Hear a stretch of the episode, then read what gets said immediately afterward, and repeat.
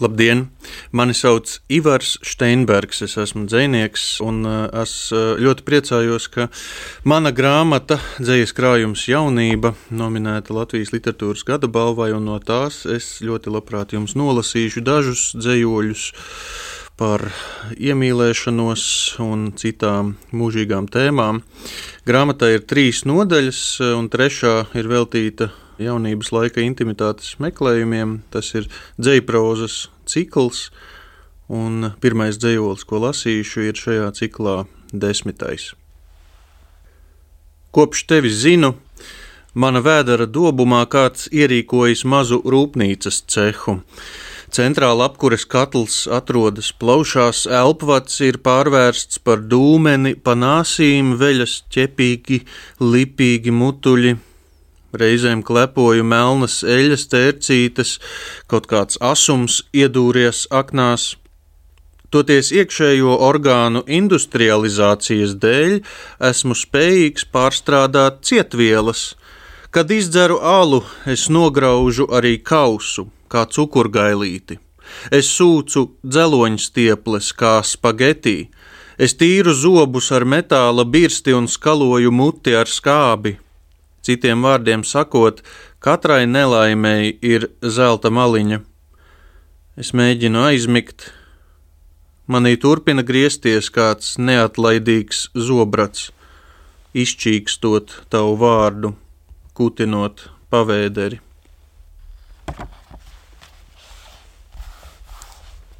Piektais. Kad tev bija piercings apakšlūpā, Tu mani apskāvi un teici, nekad nelaidīšu vaļā, bet es atbildēju, ejam nopirkt čipsus.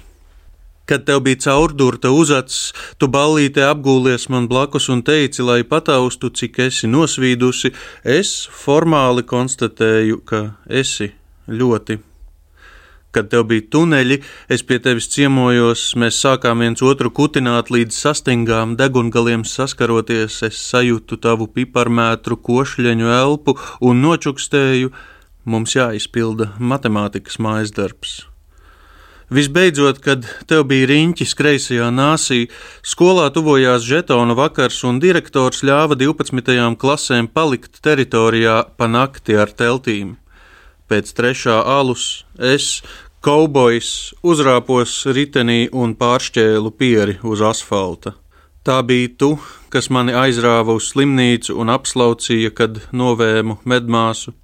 Tā bija tu, kas mani atgādāja līdz dzīvokļa durvīm un nodeva tēvam kā ļenganu pusbeigtu sīļķi. Tā bija tu, kas man katru dienu atzinās, kamēr es pārslēdzu dziesmu plējerī žetonu vakaru nogulēju savā šaurajā gultā ar nokritušu lustru smadzeņu vietā, saņēmis pēc nopelniem. 9.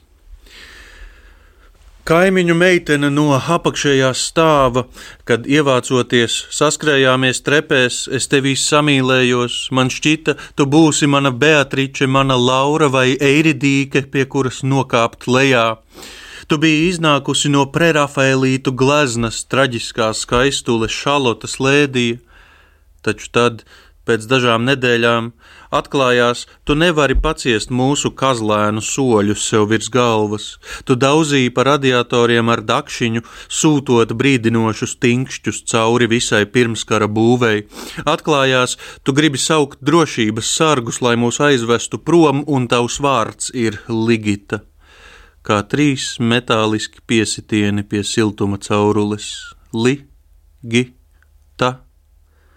Tu dzirdēji katru reizi, kad norāvām ūdeni podā, tu zināji visus vārdus Nika Keiva dziesmām, mana mīlestība un tavs ienaids auga apgrieztā proporcionalitātē. Mēs sarunājāmies labi, ja trīs reizes, un arī tad tikai par mūsu skaļumu, un es tev neteicu, ka reizēm speciāli daudzu grīdu, lai dzirdētu, kā tu raidi mums savus dusmīgos, šķindošos sveicienus. Tas bija vienīgais, kā varēju ar tevi sazināties. Atceros tevi, kad naktīs uz ielas brēkā narkomāni, kad aiz sienas kāds praktizē klavierspēli, kad ieraugu pāri ielai, kā kaimiņiem ir seks. Paliec sveika, mīļā Ligita, mīļā Ofēlija, lai kur to arī būtu.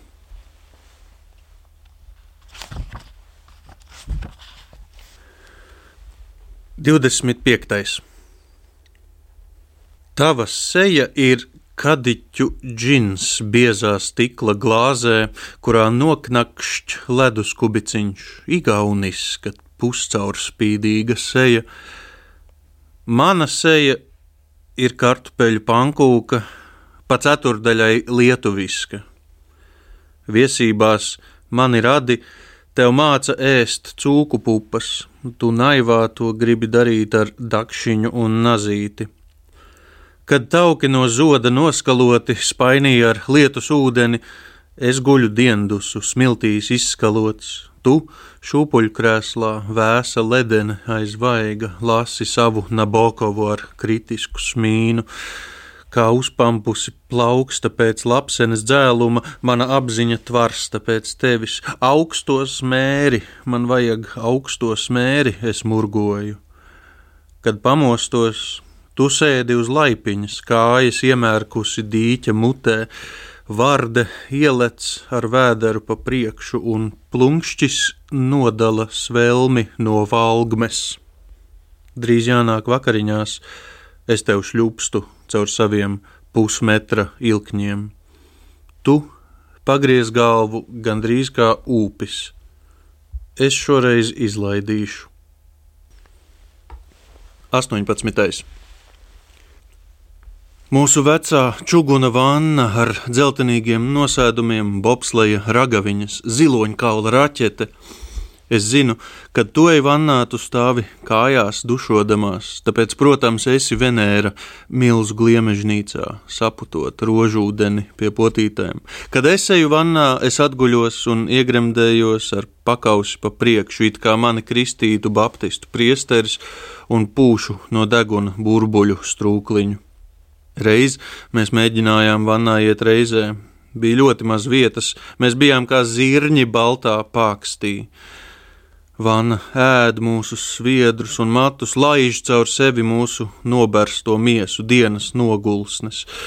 Kad vannas istabā ir pustums, bieza kā šķidrās ziepes, un no virtuves caur lodziņu ieplūst vīraks un Luis Armstrongs, viss šķiet plūstošs, bet pati vanna stingri nostājusies uz četrām metāliskām kājām. Zemestrīce to nespētu iedangāt.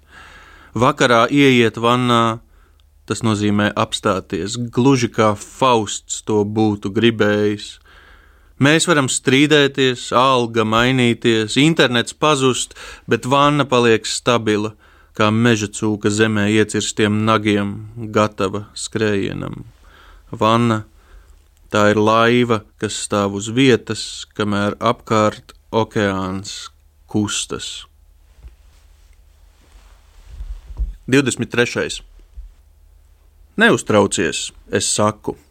Tas ir tikai simtiem tonu smags metāla krātiņš, kas pacēlies vairāku kilometru augstumā, kur spēj noturēties tikai tāpēc, ka pārvietojas ar mežonīgu ātrumu.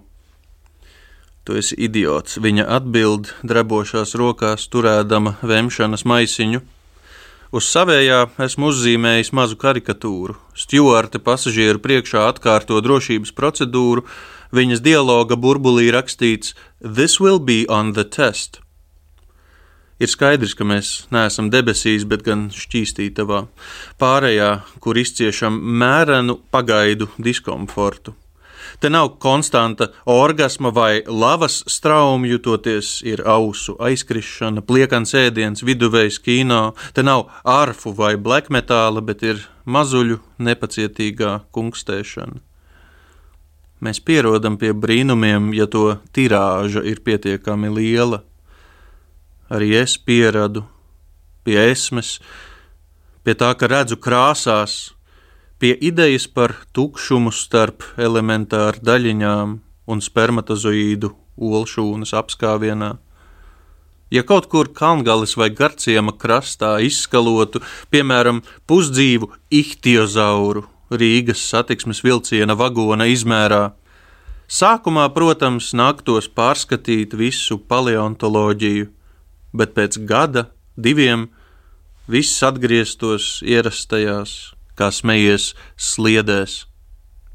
Atsevišķas grupas pat apšaubītu tā eksistenci, rīkotu piketus, teiktu, tā ir sazvērestība. Mūsu krīta perioda vēstnesis pazustu zinātnes virsrakstu lentē starp melnajiem caurumiem un Vjačeslava Kašķējeva lekcijām. Mēs lidojam, viņa trīc, un es atkal esmu aizpļāpājies. Kapteinis paziņo, būs gaisa bedres Es aizveru acis un satveru viņas plaukstu. Tā ir augsta un mazliet slapja, kā reta dziļūdens dinozaura āda.